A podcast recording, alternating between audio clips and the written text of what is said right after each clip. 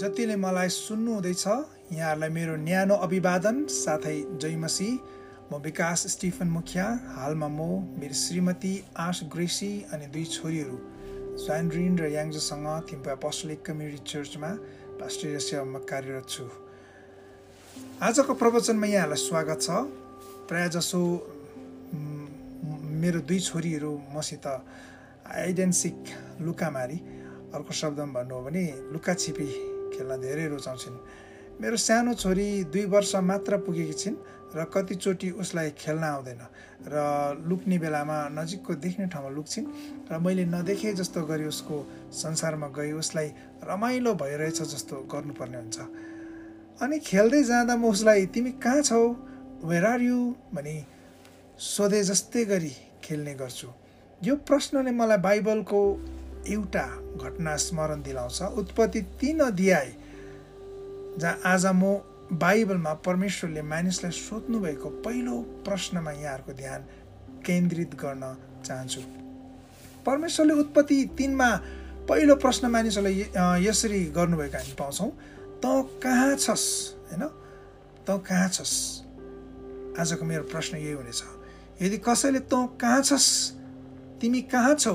वा तपाईँ कहाँ हुनुहुन्छ? भनी सोधेमा म यहाँ छु।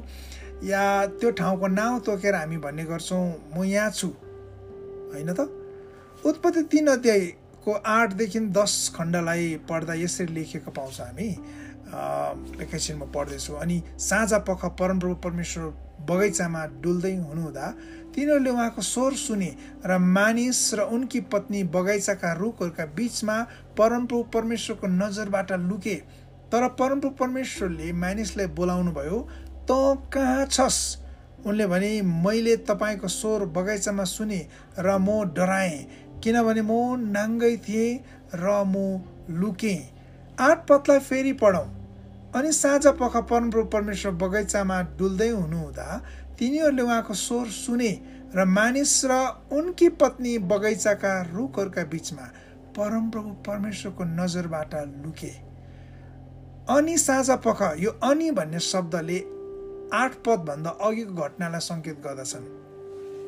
जहाँ मानिस र उनको पत्नीले मिलेर नखानु अथवा निषेध गरिएको फल खाएको कुराको वर्णन गरिएको पाउँछौँ। र साँझ पख परमप्रभु परमेश्वर बगैँचामा डुल्दै हुनुहुँदा भनी यहाँ लेखिएको छ परमेश्वरको यो व्यवहार आदम र हावाका लागि अपरिचित थिएनन्। तर आज भने उनीहरूको व्यवहारमा बदलाव आएका थिए। साँझ पख हामी कतिजना आफ्नो परिवारहरूसित वकमा निस्कन्छौँ र समय बिताउँछौँ। है? मोसाले परमप्रभु परमेश्वर एलोहिम यावे गडको चर्चा यहाँ गर्छन्। व्यक्तिगत परमेश्वर अ भेरी पर्सनल गड बगैँचा जसको अर्थ सृष्टिकर्ताको सँगको आम्ने सामने भेटघाट र समय बिताउने ठाउँ हो यो बगैँचा अथवा यो बेलुकीको पख उनीहरूको। साँझ पख कस्तो रमाइलो हुन्छ। त्यो समय आउनु प्रियहरूसित बिताउनु है कति रमाइलो हुन्छ। हाम्रो साँझ पख कस्तो बित्दैछन् त? प्रश्न यहाँ यो छ। कस्ता थोक र सम्बन्धहरूले परमेश्वरसितको हाम्रो सम्बन्ध खोज्दैछ त?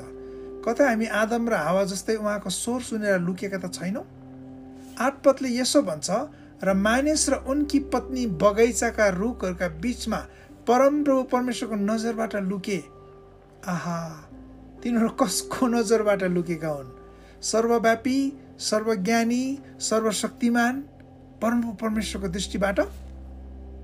कति नै गरे पनि हामी लुक्न सक्दैनौँ। उहाँको नजरबाट धर्मशास्त्रले यसो भन्छ होइन? धर्मशास्त्रको प्रारम्भमा नै यो प्रश्न जो आएको छ प्रारम्भमा नै परमेश्वरले हामीले हरेक दिन सामना गर्ने आलोचनात्मक प्रश्न सोध्नुहुन्छ तँ कहाँ छस्? आदम र हावाले जस्तै हामीले महसुस गर्न सक्छौँ कि हामी परमेश्वरको नजर अथवा उहाँको जाँचबाट लुक्न सक्छौँ। उनीहरू जस्तै हामी यो भुल सोच्न सक्छौँ तर परमेश्वरको नजरबाट बाँच्न वा लुकेर हामी कतै जान सक्दैनौँ। सक्दै सक्दैनौँ। भजनकार भजन सङ्ग्रह एक सौ उन्चालिसको साथमा यसरी लेख्छन् तपाईँका आत्माबाट म कहाँ अलग जान सक्छु?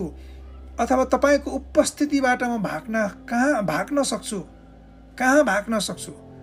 अलग हुनु र भाग्नु नसक्ने कुराको बारेमा भजनकार भन्छन् आठदेखि बाह्र पदहरू पढ्दा हामी यसो भनिएको पाउँछौँ। म आकाशमा गएँ भने तपाईँ त्यहाँ हुनुहुन्छ गहिराईमा आफ्नो ओछ्यान बनाएँ भने त्यहाँ पनि तपाईँ हुनुहुन्छ। प्रभातको पखेटा मुडेर समुद्रको पल्लो किनारमा गएर बसेँ भने पनि त्यहाँ पनि तपाईँको बाहुलीले मलाई डोर्याउनेछ र तपाईँको दाहिने बाहुलीले मलाई पक्रिराख्नेछ। यदि म भनौँ अँध्यारोले मलाई छोप्नेछ अनि प्रकाश मेरो चारैतिर रातको अन्धकार हुनेछ तापनि अन्धकार तपाईँको निम्ति अँध्यारो हुने छैन। रात त दिनको उज्यालो जस्तै चम्कनेछ किनभने अन्धकार तपाईँको निम्ति ज्योति जस्तै हो। वास्तवमा प्रश्नलाई यहाँ दुई तहमा जवाफ दिइन्छ। एउटा जहाँ हामी हाम्रो शारीरिक स्थितिको वर्णन गर्छौँ उहाँबाट कतै लुक्न सक्दैनौँ हामी। बन्दै सक्दैन हामी लुक्नै सक्दैनौँ। दोस्रो धेरै चु चुनौतीपूर्ण। हाम्रो आध्यात्मिक जो आत्मिकी जीवन छ नि त्यस्तो अवस्था हाम्रो जीवनको वास्तविक अर्थ र उद्देश्य के हो भन्ने कुराको उत्तर हामी यहाँ पाउँछौँ। यो भजन सङ्ग्रह एक सौ उन्चालिसमा। भजनकार दाउद दस पदमा यसो भन्छन्। तपाईँले फेरि पढ्नुभयो भने तपाईँको दाहिने बाहुलीले मलाई पक्रिराख्नेछ अनि तपाईँलाई म यो स्मरण दिलाऊ प्रियहरू स्टिफनले प्राण त्याग्ने बेला प्रेरित सात अध्यायमा यो दाहिने बाहुलीमा ख्रिस यसुलाई उभिएको देख्दछन्।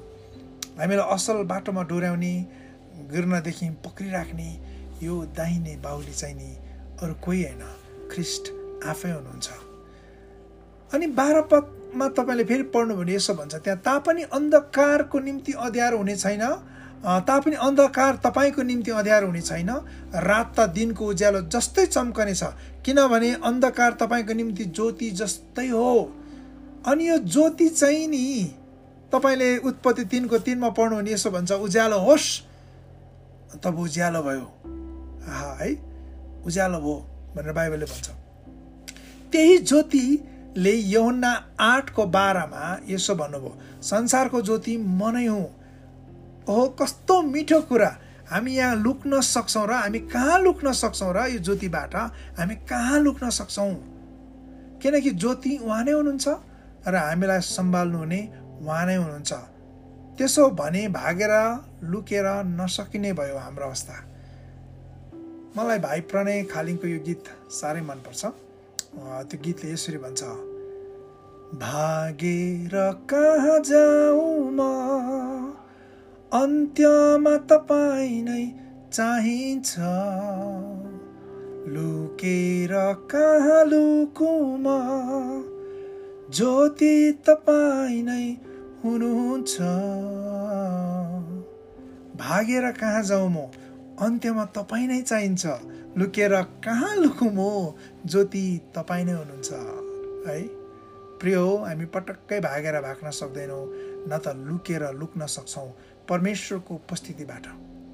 हामी अनन्तको लागि सृजिएका हौँ याद रहोस् तपाईँलाई। वास्तवमा हामी मध्ये प्रत्येक हाम्रो शारीरिक अवस्थाभन्दा बढी हौँ। सबैले परमेश्वरको अस्तित्वको अर्थलाई आफ्नो जीवनमा वास्तवमा प्रतिबिम्बित गर्दछ। यो प्रश्न सधैँ परमेश्वरसँग उभिन्छ है।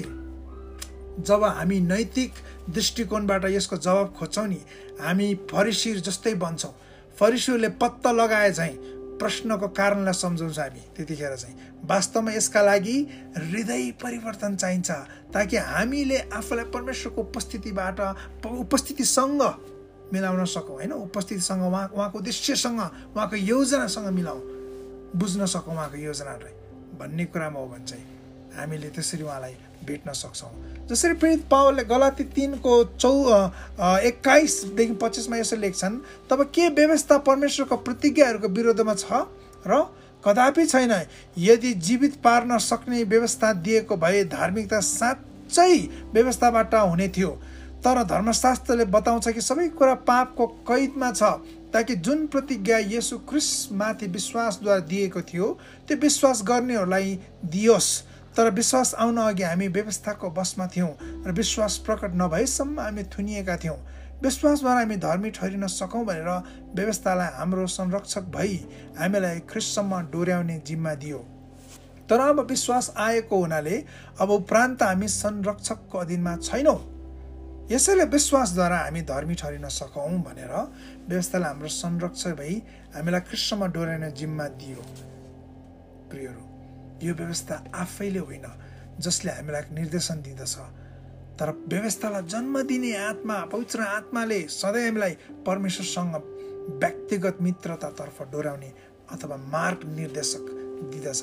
हामीलाई डोर्याउँछ बाटोमा गाइड गर्नुहुन्छ उहाँले नौ पदमा परमेश्वरले सोध्नुभयो फेरि उत्पत्ति तिनको नौमा तर परमप्रभु परमेश्वरले मानिसलाई बोलाउनु भयो तँ कहाँ छस्? परमेश्वरले यो प्रश्न आदमलाई सोध्नु भएको हो। किनकि दुई अध्यायमा जुन नखानु भनी निषेध गर्नुभएको रुखको फलको विषयमा परमेश्वरले आदमलाई दिनुभएको आज्ञा हो त्यो। किनभने हावा तब बनिएकी थिएनन् यसो त परमेश्वरले आदमको अगुवापनको जिम्मेवारीमाथि प्रश्न गर्नुहुँदै थियो यहाँ परमेश्वरले आज पिताहरूलाई र पतिहरूलाई घर र परिवारहरूको अगुवा बनाउनु भएको छ भने आमाहरू र पत्नीहरूलाई पनि घर परिवारको अर्को पाटामा अगुवा रु अगुवाको रूपमा निर्माण गर्नुभएको छ। यसकारण पिताहरू र पतिहरूलाई र आमाहरू र पत्नीहरूलाई परमेश्वरले एउटा भण्डारेपनको कार्यभार सुम्पनु भएको हुनाले उनीहरू प्रत्येक यस कुराप्रति जवाफदेही छन् त कहाँ छस् भन्ने यो प्रश्नको जवाफदेही छन् कहाँ छौँ हामी र हाम्रो परमेश्वरप्रतिको सम्बन्ध? कहाँ छौँ हामी र हाम्रो परमेश्वरले दिनुभएको जिम्मेवारीप्रति कहाँ छौँ हामी र हाम्रो परमेश्वरले सुम्पनु भएका सबै समय वरदान कला प्रतिभाहरू अनि दक्षताहरूप्रति दस पदमा तपाईँले पढ्नुहुने भन्छ आदमको उत्तर यसरी सुन्नुहुन्छ। उनले भने मैले तपाईँको स्वर बगैँचामा सुने र म डराएँ। किनभने म नाङ्गै थिएँ र म लुकेँ। ओहो कस्तो दयनीय अवस्था उनको। गिल्टको कुरा आउँछ यहाँ। दोषी छु भन्ने कुरा। आदममा आउनु पहिलो कुरा हो जब उनले परमेश्वरबाट भागेको कुरामा। आदमले परमेश्वरको स्वर सुनेका थिए। पहिले पनि सुनेका हुन् तर यो पल्टको स्वर उनमा म दोषी छु भन्ने। यो स्वरले नै उनमा जो सुन सुनेको स्वरले उनमा म दोषी छु भन्ने भावना भावना उत्पन्न गराएका थिए। यो गिल्ट बेस कल्चर भनेको यहाँ सुरु भएका हुन्। दोषी भावना। यो दोषी भावना। यो दोषी भावना नै उनको कुटु कुटु खाने पापको बिमारी उनमा सुरु भएका थिए वास्तवमा। दोस्रो कुरा फियर डर को कुरा आउँछ यहाँ। उनी भन्छन् म डराएँ। यो चाहिँ हो फियर अथवा पावर बेस कल्चर भनिन्छ यसलाई यो डर र शक्ति आधारित संस्कृति संस्कृति पनि हाम्रो क्षेत्रमा धेरै व्याप्त छन् यो नकारात्मक डर हुन् जसले हामीलाई परमेश्वरदेखि टाढा लैजान्छ कतिपल्ट हामी असफलता उचाइ रोगी बिरामी मृत्यु नरक सैतान भूत आत्मा प्रेतहरूसित डराउने गर्छौँ क्या किनकि आदमको त्यो डर हामीमा पनि सरिआएको छ तर दोस्रो तिमती एकको साथलाई याद गर्नुहोस्। त्यहाँ यसो भनेको छ परमेश्वरले हामीलाई डरको आत्मा होइन तर शक्ति प्रेम आत्मा संयमको आत्मा दिनुभएको छ। वा मेका ज मेका जज भन्ने व्यक्तिले यसो भन्छन् डर एक्लोपनको एउटा कारण हो र डर जो यसको निरन्तर साथी हो जो चाहिँ परमेश्वरबाट अलग हुनु हो आदम र हावाले अनज्ञकारिताले डर निम्ति आएको भेटायो जसले आफैले उसलाई र हब्बालाई जीवनको एकमात्र स्रोत परमेश्वरबाट लुकाउन खोज्यो जसले उनीहरू दुवैलाई सृष्टि गर्यो। सोझो प्रकारले भन्नु हो भने उनीहरूले आफ्नो पितासँगको सम्बन्धलाई तोडेका थिए। तर खुसी खबर यो छ प्रियो कि आज हामी सिधै क्रुसमा क्रिसको काम मार्फत परमेश्वरसँग खुला मित्रता खोज्न सक्छौँ। जोडिन सक्छौँ उहाँसँग। हामी बत्तिसमाद्वारा नि शुद्ध हुन्छौँ। यसुको रगतद्वारा धुइन्छौँ र आदमले गुमाएको मित्रतामा पुनः स्थापित हुन्छ फेरि जे उहाँले गुमाएका थिए आदम आदमले गुमाएको कुरा। रोमी छ अध्यायको एक दिन चारमा प्रेत पाउले यसो भन्छन् अब हामी के भनौँ कि अनुग्रह प्रशस्त मात्रामा होस् भनेर हामी पापमा लागिरहँ त? त्यसो नहोस् हामी जो पापको लेखी मऱ्यौँ त कसरी हामी अझै त्यसमा जिउँ? के तिमीहरू जान्दैनौ? हामी सबै जतिले ख्रिस यसुमा बत्तिसमा लियौँ उहाँकै मृत्युमा बत्तिसमा लिएका थियौँ।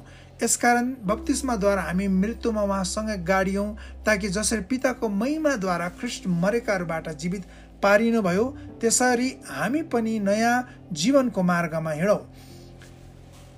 यसको अर्थ पिताको महिमाद्वारा ख्रिस्ट यसुको बौरी उठाएको शक्तिद्वारा यसरी दिनु हामी हाम्रो जीवन। र स्वतन्त्रताको स्रोतको नजिक रहन सक्छौँ अनि रहन खोज्छौँ हामी। हामीलाई बनाउने कुरा चाहिँ यही हो। ख्रिस्ट यसुको सम्बन्धले द रिलेसनसिप विथ क्राइस्ट तेस्रो कुरा भएको जो छ यहाँनिर दस पदमा आदमले मलाई यसो भयो भनेर भन्छ सेम एन्ड अनर बेस्ड कल्चरमा डिपेन्ड पर्छ यो। लाज र सम्मान आधारित संस्कृति हो यो। आदम भन्छन् किनभने म नाङ्गै थिएँ। ओहो है? उत्पत्ति दुईको पच्चिसलाई पढ्नुहोस् न यसो भन्छ। मानिस र तिनकी पत्नी दुवै नाङ्गै थिए र लजाउँदैनथे अब यो लाज कहाँबाट आयो? जब परमेश्वर आफैले आदम र हावालाई सृष्टि गर्नुहुँदा उनीहरू नाङ्गै त थिए। होइनन् र? म नाङ्गै थिएँ भने थाहा पाउनु चाहिँ उनीहरूबाट परमेश्वरको महिमाको वस्त्रहीन हुनु हो। रोमी तिनको तेइसमा सरल नेपाली बाइबल यसो भन्छ यहाँ किनभने मैले सबै पाप किनभने सबैले पाप गरेका छन् र परमेश्वरको महिमाबाट टाढिएका छन्। अर्को नेपाल संस्कृति बाइबल तपाईँले हेर्नु भने त्यहाँ भनिएको छ परमेश्वरको यसबाट नजिक हुन सकेको छैन भन्ने कुरा गर्छ क्या त्यहाँनिर। यहाँ चाहिँ टाढिएको कुरा गर्दछ यहाँ। अनि यो चाहिँ परमेश्वरको महिमाबाट टाढिएको कुरा हो। अर्को बाइबल हामीलाई चुकेका छन् भन्छ भने हामी चुक्नुभन्दा बढी अझै टाढिएको कुरा यहाँ आउँदछ। वञ्चित हुनु हामी त्यसदेखि अलग भएर टाढो पुग्नु हो। पाप हो यो। पाप।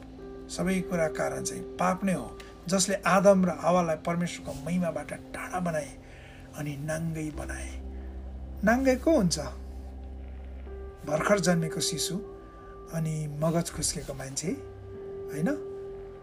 किनकि त्यो शिशुलाई लाज भन्ने थाहा छैन नि त। अनि त्यो मगज खुस्केको मान्छेलाई उसको अवस्था उसलाई थाहा हुँदैन। के भइरहेछ जब नुहाले तपाईँले याद गर्नुहुन्छ जब नुहाले नुहा बाजेले होइन नुहाले मदिरा पिएर नाङ्गे अवस्थामा सुतेका कुरामा उसको नङ्गनतालाई ढाक्न सेम र यापेत उसको छोराले नहेरिकन वस्त्र ओढाएका थिए र पछि होसमा आउँदा उनको छोरा हामीले गरेको दुर्व्यवहारप्रति रिसाएका थियौँ नि। अनि श्राप दिएको कुरा हामी उत्पत्ति नौ अध्यायमा पाउँछौँ। प्रभु येसुले लुका दस अध्यायमा असल सामग्रीको दृष्टान्तमा त्यो डाकुहरूको फेला फेलामा पर्ने मान्छेको अवस्था नाङ्गो र अदमरो थिए भन्नुहुन्छ। आदम र हावाको अवस्था त्योभन्दा कम्तीका थिएनन्। सैतानको छल र जालमा परेर परमेश्वरसँगको सम्बन्ध मुनिहरू नाङ्गो र अधमरो भएका थिए। बाइबलमा अर्को एउटा सबैभन्दा निर्लज अवस्था चाहिँ क्रुसमा झुन्ड्याउँदा यसु प्रभुका भएका थिए। किनकि इतिहास भन्छन् उनको शरीरमा वस्त्र कतै थिएनन्। अनि प्रियहरू हो त्यो अवस्था चाहिँ आदम र हावाले गुमाएको महिमित वस्त्रको साटोमा हाम्रो निम्ति उद्धारको र धार्मिकताको वस्त्रको दाम मूल्यको थियो त्यो चाहिँ मूल्य चुकाउनु भएको थियो उहाँले। पहिलो आदमको अनज्ञकारिता हाम्रो अवस्था नाङ्गै बनाएका थिए भने हाम्रो निम्ति हामीलाई आफैलाई नाङ्गै पारेर दोस्रो आदम प्रभु येसुको आज्ञाकारिताले मुक्ति र धार्मिकताको वस्त्र प्रबन्ध गरेका हुन् हामीलाई।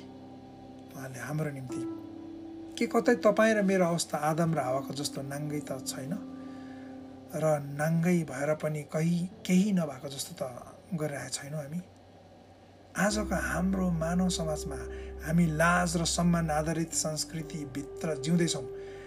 हामी हाम्रो पाप गल्ती र कमजोरीलाई ढाकछोप गर्छौँ प्राय। तर याद राख्नुहोस् परमेश्वरको अघि कुनै कुरा लुक्न सक्दैन। पाप स्वीकार गर्नु र प्रस्ताव गर्नु स्वतन्त्र हुनु हो स्वतन्त्र मुक्ति प्राप्त गर्नु त्यो चाहिँ। चौथो कुरा आदमले यसो भन्छन् र म लुकेँ दस पदलाई पढ्नु भने र म लुकेँ। हाम्रो पाप गल्ती र कमजोरी लुकाउनमा हाम्रो समस्या समाधान हुँदैन। पटक्कै हुँदैन। तर यसले अझै डर लाज दोषी भावनालाई जन्माउँछ हामीभित्र। याद राख्नुहोस्। परमेश्वरको दृष्टिबाट उहाँको उपस्थितिबाट कति लुक्ने लुखाछुपी कति खेल्ने सबै कुरा त्यो न्यायको दिन उदाङ्गै हुनेछ निसङ्कोच उदाङ्गै हुनेछ हाम्रो। कहिले काहीँ म आफैलाई परमेश्वरदेखि मेरो सानो छोरी लुके जस्तो गरेको महसुस गर्छु। कयौँपल्ट व्यवहारमा सोचमा मेरो आत्मिक जीवनका कुराहरूमा। अनेस्टली सेयरिङ के परमेश्वरलाई म कहाँ छु भन्ने कुरा थाहा छैन र तर? थाहा छ नि म भाग्दा पनि लुक्दा पनि म के गर्दैछु भन्ने परमेश्वर जान्नुहुन्न र? उहाँलाई थाहा छ नि उहाँलाई उहाँ जान्नुहुन्छ उहाँलाई सबै थाहा छ। तर उहाँमा म के गर्दैछु र कहाँ जाँदैछु? अनि कसरी पाप गरेपछि पतित भए उहाँबाट लुक्दैछु भने आफैले हेरेको परमेश्वर चाहनुहुन्छ।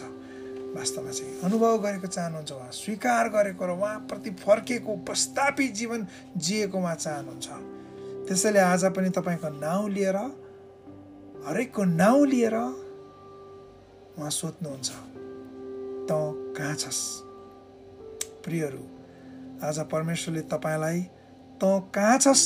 भनी सोद्धा जीवनको मोडमा यो समय तपाईँ कहाँ हुनुहुन्छ? एकै क्षण सोच्नुहोस्। तपाईँ कहाँ हुनुहुन्छ?